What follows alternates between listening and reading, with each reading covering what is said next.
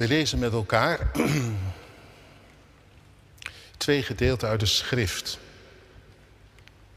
Uit Handelingen 12. Een bekend verhaal, althans. Die bevrijding van Petrus, sowieso.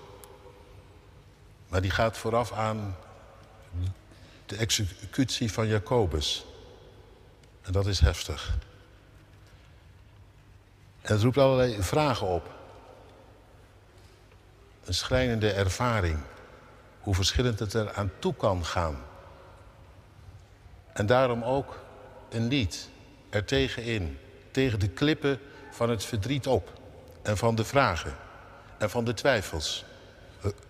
We lezen dus ook uit Romeinen 8. Vers 31 tot en met vers 39. En vandaar ook het thema voor de dienst: een schrijnende ervaring, een krachtige verzekering. We lezen uit Handelingen 12. Omstreeks die tijd nam koning Herodes enkele leden van de gemeente gevangen en mishandelde hen. Jacobus, de broer van Johannes, liet hij met het zwaard ter dood brengen. Toen hij zag dat de Joden hier gunstig op reageerden, liet hij ook Petrus aanhouden. Dat was tijdens het feest van het ongedecemde brood. En na de arrestatie sloot hij hem op in de gevangenis, waar hij hem door vier groepen soldaten van steeds vier, van steeds vier man liet bewaken, met de bedoeling hem na het Pesachfeest ten overstaan van het volk te berechten. Terwijl Petrus onder zware bewaking zat opgesloten, bleef de gemeente vol vuur voor hem bidden tot God. In de nacht voordat hij voorgeleid zou worden, lag Petrus te slapen tussen twee soldaten, aan wie hij met twee kettingen was vastgeketend. Ook voor de deur van de kerker stonden bewakers. Toen verscheen er plotseling een engel van de Heer en een stralend licht vulde de hele ruimte. De engel stootte Petrus aan om hem wakker te maken en zei: Vlug, sta op. Meteen vielen de ketens van zijn handen. De engel zei tegen hem: Doe je gordel om en trek je sandalen aan. Dat deed hij. Daarop zei de engel: Sla je mantel om en volg mij. Petrus volgde de engel naar buiten, maar zonder te beseffen dat de dingen die de engel liet gebeuren werkelijk plaatsvonden. Hij meende een visioen te zien. Toen ze de eerste en tweede wachtpost voorbij waren, kwamen ze bij de ijzeren poort, die toegang gaf tot de stad.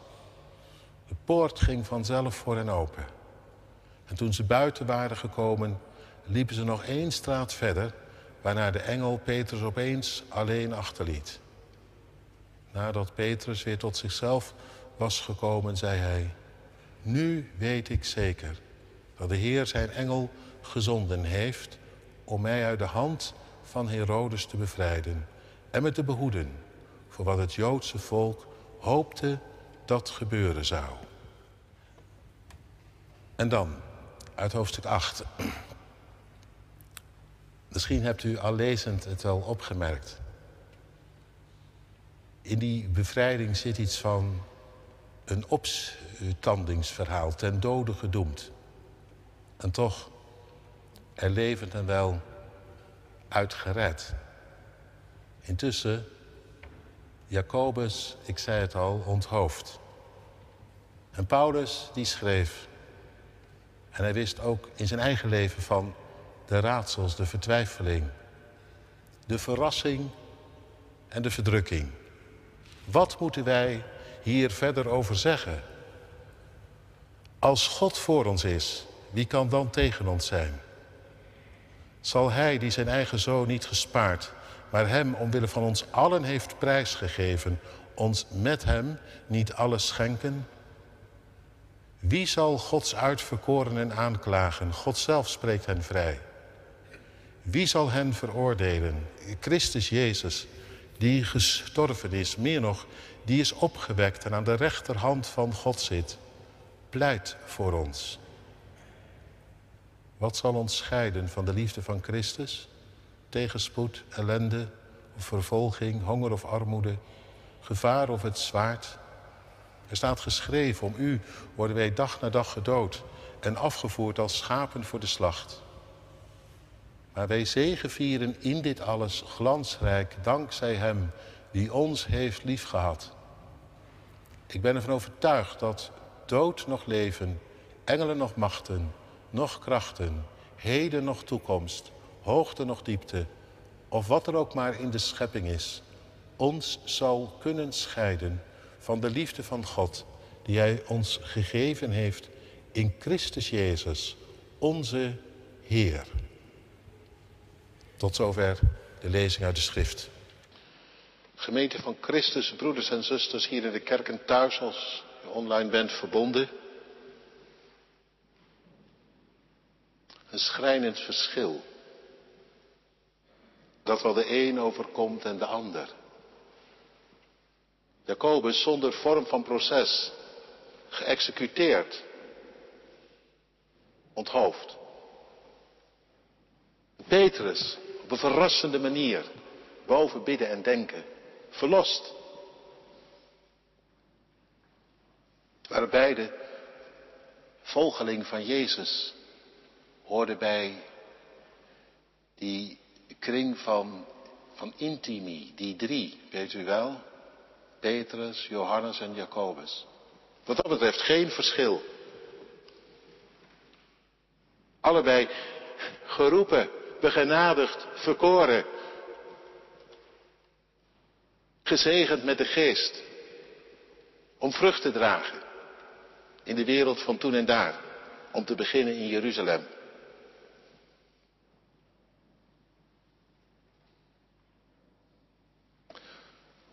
In die zin geen verschil.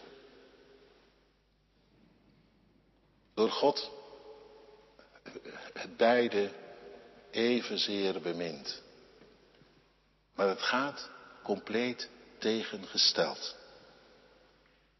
Zoals ik al zei, de een onthoofd, de ander bevrijdt. En gelijk als je zo'n geschiedenis dan hoort, dan kan het schrijnend, ten hemel schrijend zou ik bijna zeggen, herkenbaar zijn in je eigen leven. Onder ons. Hier in de gemeente van Christus. Wat kan het er tegengesteld aan toegaan terwijl je samen eet van hetzelfde brood en drinkt van dezelfde wijn en leeft van dezelfde liefde? Wat kan het er intussen tegengesteld aan toegaan? Jij ontslagen, de ander een prachtige baan. Die ander wonderlijk genezen, of misschien na heel lang, maar toch. En voor jouw ziekte geen kruid gewassen.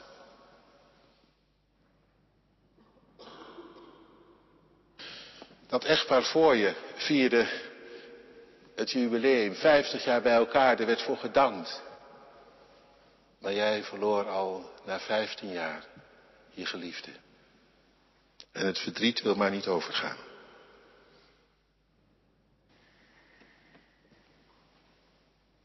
Die ander, helemaal blij van een relatie. Terwijl jij al zo lang gebeden hebt. En nog steeds alleen. De hoop verloren. De wanhoop nabij. Waarom?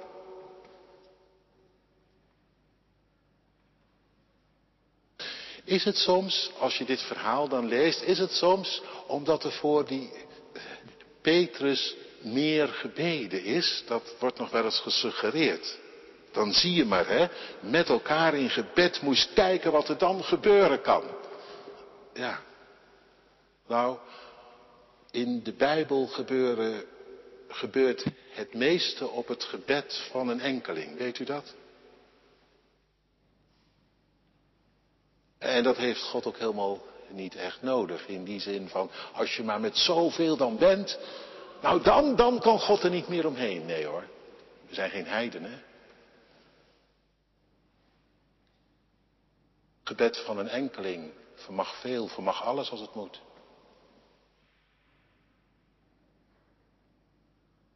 De voorbeelden, die zijn ernaar. Mozes, Elia. En het beste voorbeeld is Jezus. Toen de hele wereld hem uitvloekte, toen bad hij, Vader vergeven. En dat werd verhoord. Me dunkt. Dus nee, daar zit het hem niet in. Reken maar dat die Jacobus, terwijl die gegrepen eh, werd, dat zijn, dat zijn hart één schreeuw is geweest, oh God red. En toch onthoofd. Anderzijds, en dat wil ik er wel even, bij op grond van deze hele geschiedenis. Het is natuurlijk wel het tekenend. Nee, ik ga dat vanochtend niet helemaal zin voor zin uit de doeken doen. Daar ligt de focus nu niet. Maar het is wel tekenend. Wel even iets om de vinger bij te leggen. In die toenemende dreiging die er van Herodes uitging. En die, die, die zag dat hij daar, eh, daarmee aan populariteit in Jeruzalem kon winnen door die gemeente onder druk te zetten. En toen niet meer was te houden, dat, zo begint het verhaal.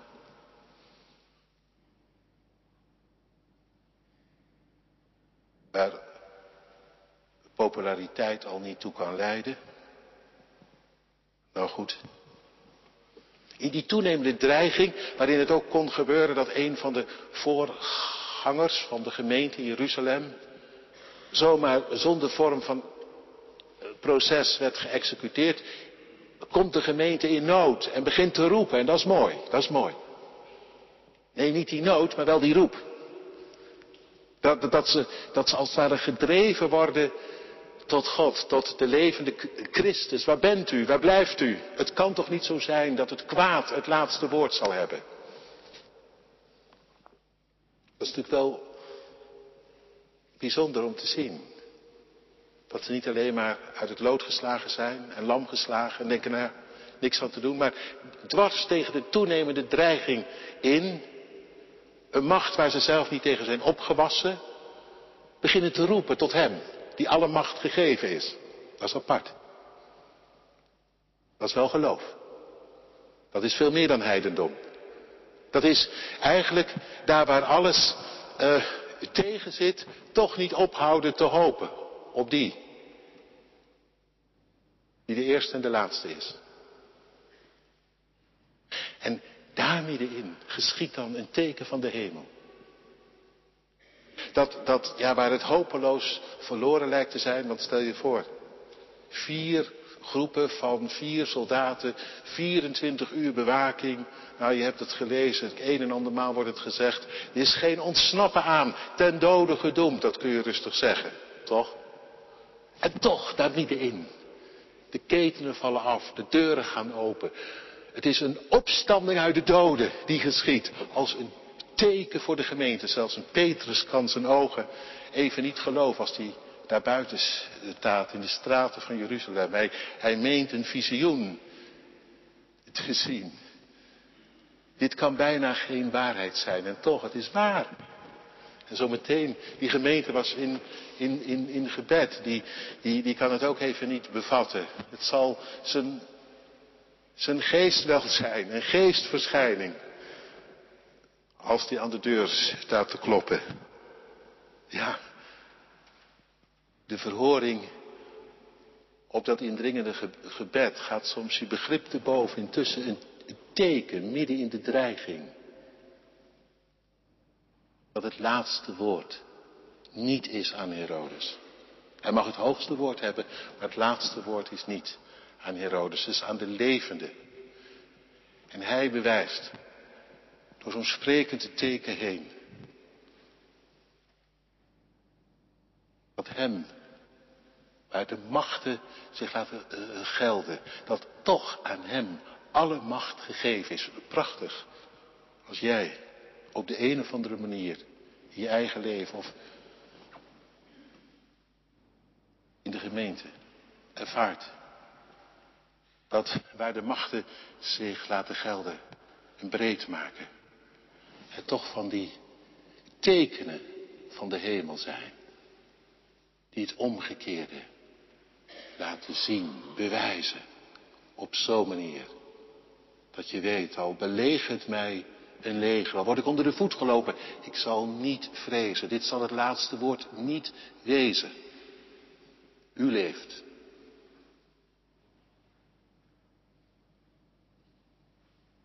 Ook goed om daarvan te verhalen, weet u dat? Ook naar elkaar toe.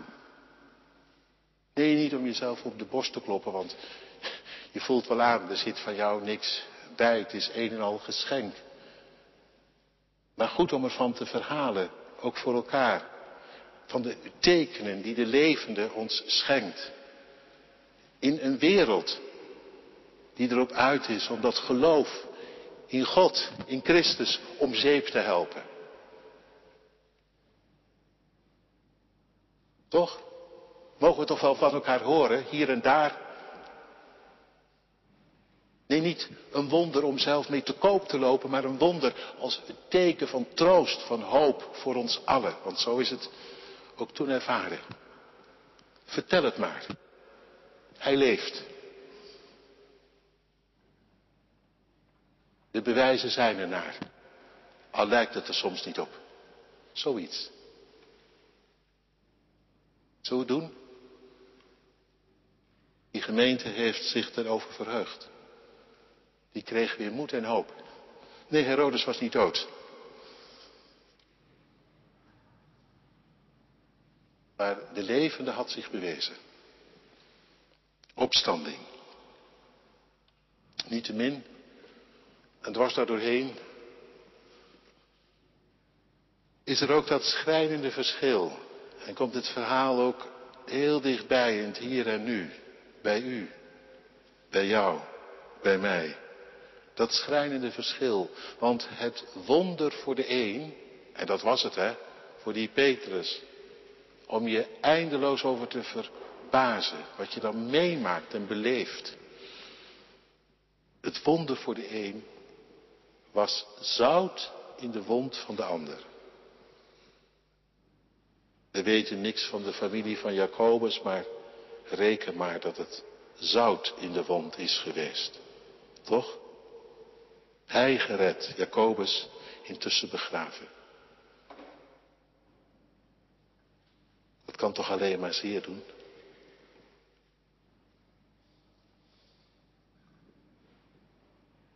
Wie herkent het niet?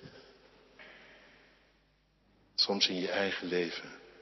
Prachtig hoor, dat wonder en dat teken en God en dit en dat en die stralende ogen, maar ik kan alleen maar huilen. Als ik het hoor. Ja. En dan dringt de vraag zich zomaar op, ook vanuit dit, dit verhaal. Waarom? Waartoe? Hoe zit dat nu? Heb u een antwoord? Waarom? Jacobus onthoofd, Petrus verlost. Waartoe? Mensen zeggen wel eens, je moet niet vragen naar het waarom, je moet vragen naar het waartoe. Nou, dat klinkt goed. Maar is dat ook goed om dat te zeggen? Ik denk even aan die dichter uit de 42e psalm. Die er helemaal doorheen zit. En, en, die dan, dan, dan, dan roept. Mijn steenrots. Waarom vergeet u mij? Ik dacht grond onder de voeten te hebben in u. Maar u lijkt wel drijfzand te zijn. Waarom? En dan gaat u zeggen tegen die meneer, ho, ho, ho, meneer, verkeerde vraag. U moet vragen naar het waartoe. Zou toch dwaasheid zijn, of niet? Lijkt mij.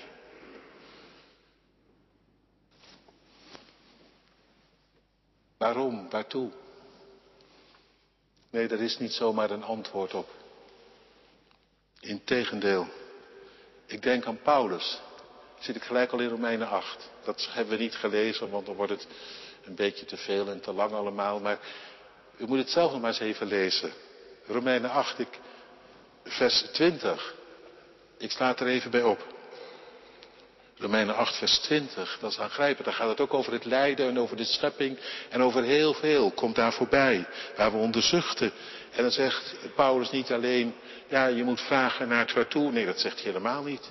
Integendeel, hij zegt iets heel anders. Hij zegt, de schepping, het schepsel is aan de zinloosheid onderworpen. Niet gewillig, niet vrijwillig, maar door hem die het daaraan onderworpen heeft. Paulus heeft het over zinloosheid. Waar we in terecht gekomen zijn met deze wereld, met ons eigen bestaan. Zinloosheid. Veel waar geen zinnig woord over valt te zeggen, zeker als het over het lijden gaat. Denk eerlijk. Dat is ook uit mijn hart gegrepen, eerlijk gezegd. Geen waarom, geen waartoe, zinloos. Zo voelt het toch ook, of niet? Het is toch vaak geen touw aan vast te knopen aan wat je over, overkomt. Hoe je ook piekert en pijnst trouwens.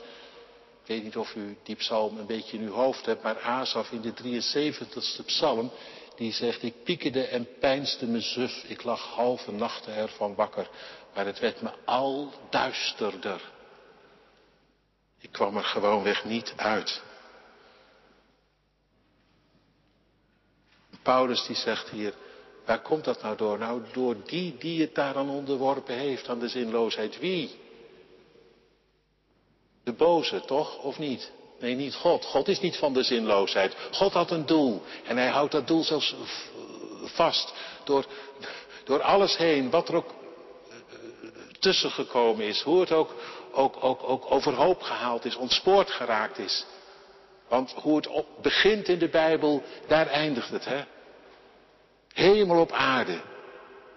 Alsnog en toch. Maar intussen zinloosheid.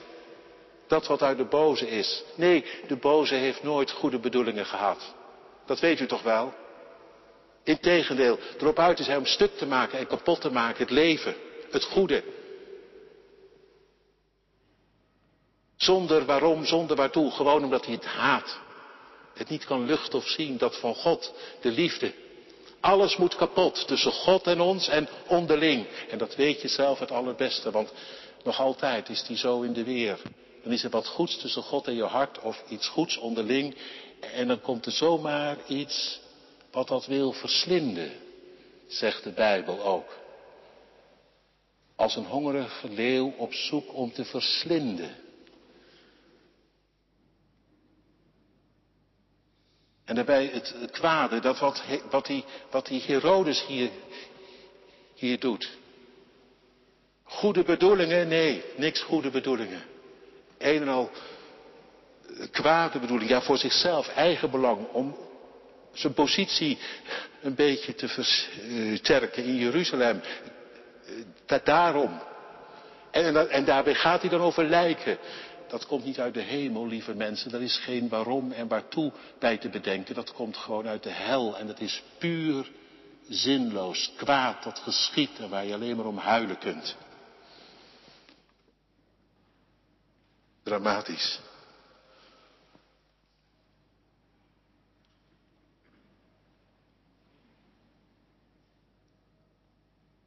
En nu?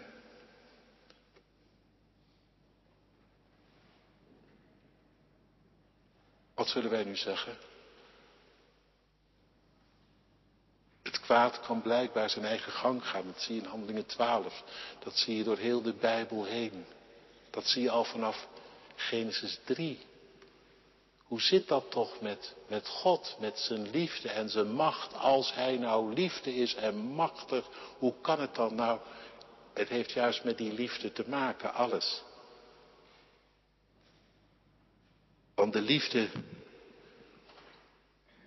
die dwingt niet en legt zichzelf niet op. De liefde laat vrij. Zeker, de liefde die nodig en spoort aan, maar de liefde eist niet, dan is het geen liefde meer, dan zou het terreur zijn. Vandaar, vanaf het beginnen, de mogelijkheid om, om het eraan te geven, hoe zinloos ook. Zonder hoop, zonder toekomst, geen enkel, er wordt geen enkel doel door gediend, maar je mag. Als je niet anders wil, dan mag je gehoor geven aan dat andere geluid, die andere stem. En het is gebeurd en sindsdien heeft God het voor het nakijken in deze wereld. Triest en tragisch genoeg, de hele Bijbel is er vol van. Hij krijgt ons hart niet meer. Hoeveel hart hij ook voor ons heeft.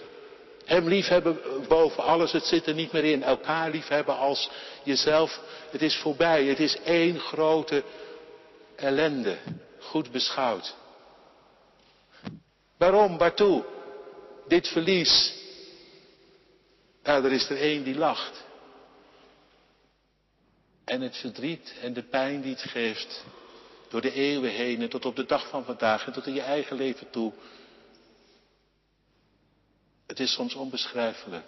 Wat doen we elkaar ook niet aan, hè? Wat doen we elkaar niet aan doordat de liefde ontbreekt tot God en tot elkaar?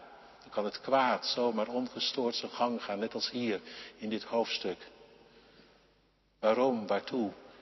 Zinloos, zegt Paulus. En het klopt als een bus. Geen logica in te ontdekken. En steeds weer in de Bijbel wordt er naar gevraagd. En, en het blijft ook onze vraag. Hoe kan dat dan?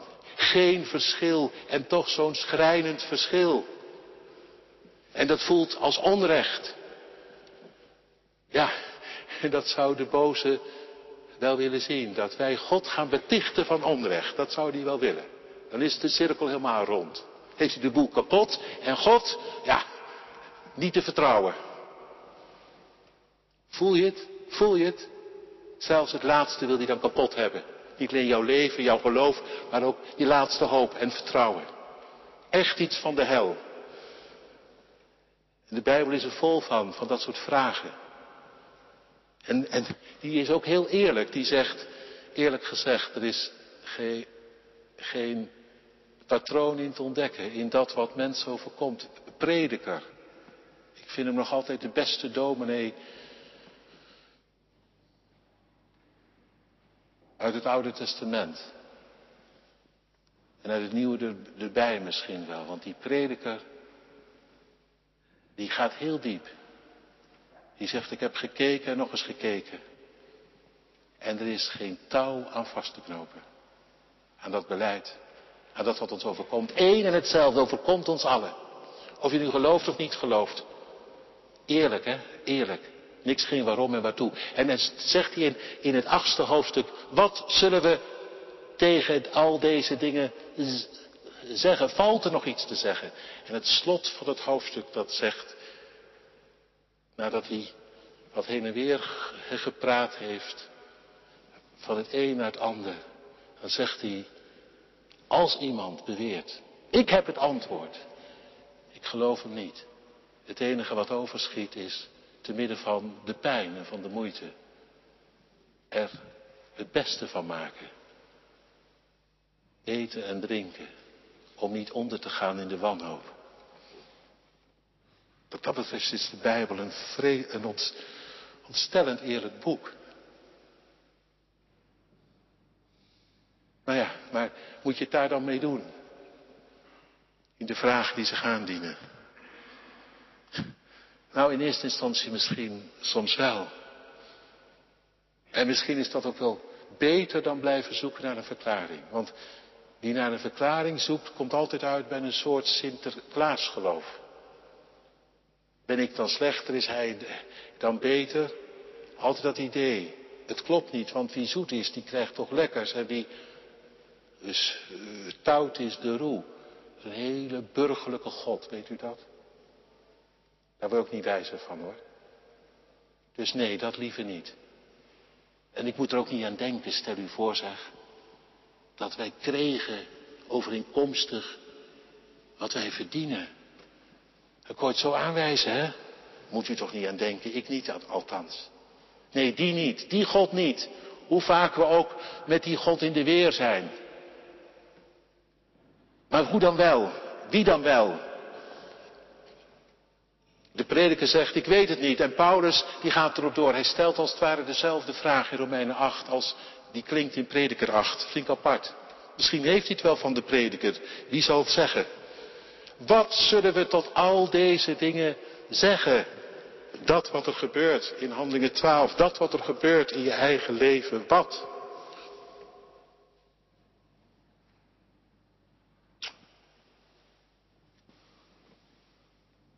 Waar komt hij toch? Ja, waar komt hij nou eigenlijk mee? Met een antwoord? Nou, laten we even luisteren. Niet gelijk een antwoord op het waarom, het waartoe, maar op iets, ja, een woord van God er middenin. U kent hem misschien wel, dominee André Troost. Die heeft het ooit zo heel mooi en kernachtig verwoord. Geen antwoord, maar een handwoord. En dat is het. Die ook zijn eigen zoon niet gespaard heeft. Maar heeft hem voor ons allen overgegeven. God die niet van een afstand het aanzag, de pijn, het verdriet, het leed, wat kapot ging en stuk ligt, met alle zinloosheid van dien, maar daar middenin verscheen, die ook zijn eigen zoon niet gespaard heeft, maar hem voor ons allen heeft overgegeven. Nee, dat is geen doekje voor het bloeden, hè?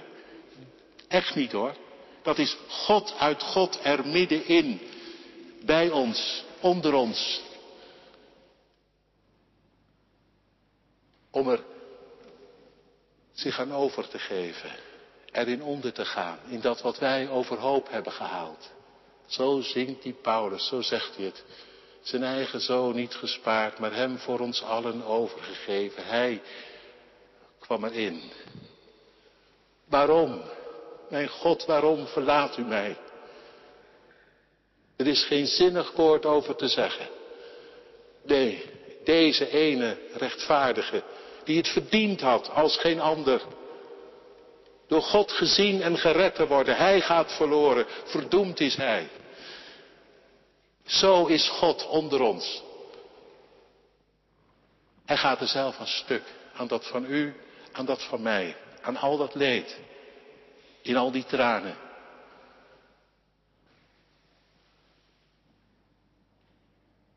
Zo komt hij ons nabij.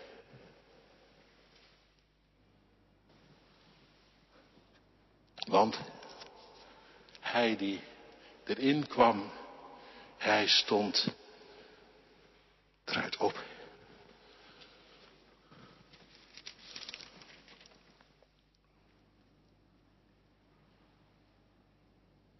Christus is het die gestorven is, ja.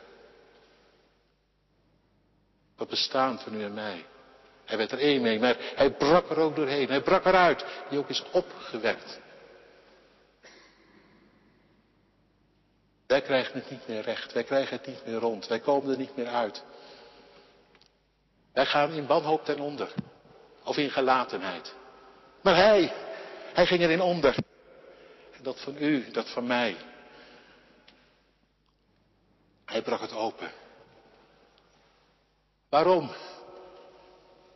Uiteindelijk, ja toch.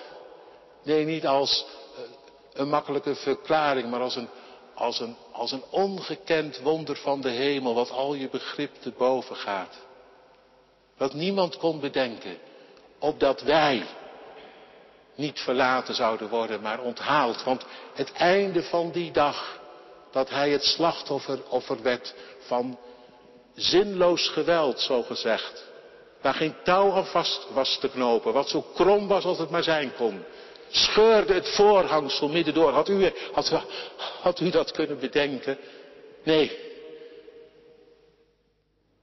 Toen en daar, waar alles ophield, was hij het die verzoening deed. Het openbrak. Het doorbrak. Dat boze, dat zinloze. die ook zijn eigen zoon niet gespaard heeft, maar hem voor ons allen overgegeven. Hoe zal hij ons met hem niet alle dingen schenken? Om te beginnen een royaal onthaal. Kom erin, zegt hij aan het eind van die dag, waarop wij ons in blinde haat aan hem vergrepen en aan een kruis sloegen. Als dat geen genade is, toch? Om ons met hem alle dingen te schenken.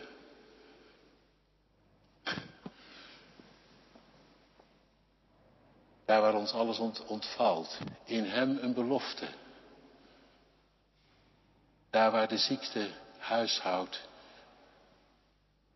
de pijn je uit de slaap. Waar je er niet weet wat je ermee aan moet.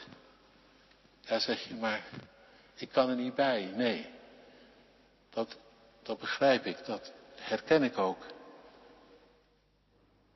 Maar hij komt er wel in. Paulus heeft het ervaren op zo'n manier dat er een lied werd geboren.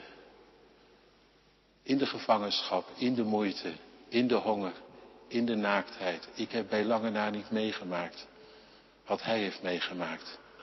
Wat dat betreft zijn wij met z'n allen ook weer zulke verwende christenen, maar dat geeft niet. Daar gaat het nu niet over. Wij leven hier. Intussen, wij lijden ook. U en ik aan dit en dat. Maar hij, hij komt erin.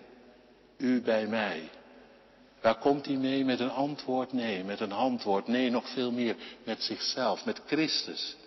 Zijn eigen zoon niet gespaard, hem voor ons allen overgegeven aan ons. In hem. Voor mij vrede bij God. Toch de zekerheid. Ik ben niet vergeten, niet verlaten. Ik word bemind. Ik ben geliefd, gezien, gekend door uzelf. Een kind, u pleit voor mij, ook daar waar ik soms niet meer weet wat ik zeggen moet. Ik eerder geneigd ben om te vloeken dan te bidden. U pleit voor mij. U bidt voor mij door. In u gered. Meer dan overwinnaar. Nee, ik kan dat verder niet zo goed uitleggen, weet u dat? Het is geloofstaal. Misschien zegt u, het is mij te hoog, dat kan. Nou, weet dan dit. Dat hij in de wanhoop er zo mee voorbij kan komen dat ook jij wordt opgebeurd in een liefde die je zelf niet had bedacht. En zegt, ik snap het niet, maar één ding weet ik wel. Ik ben van u, in leven en in dood, meer dan overwinnaar. Wat is dat eigenlijk? Meer dan overwinnaar. Zo staat het althans in de oudere vertaling. Hier staat. um,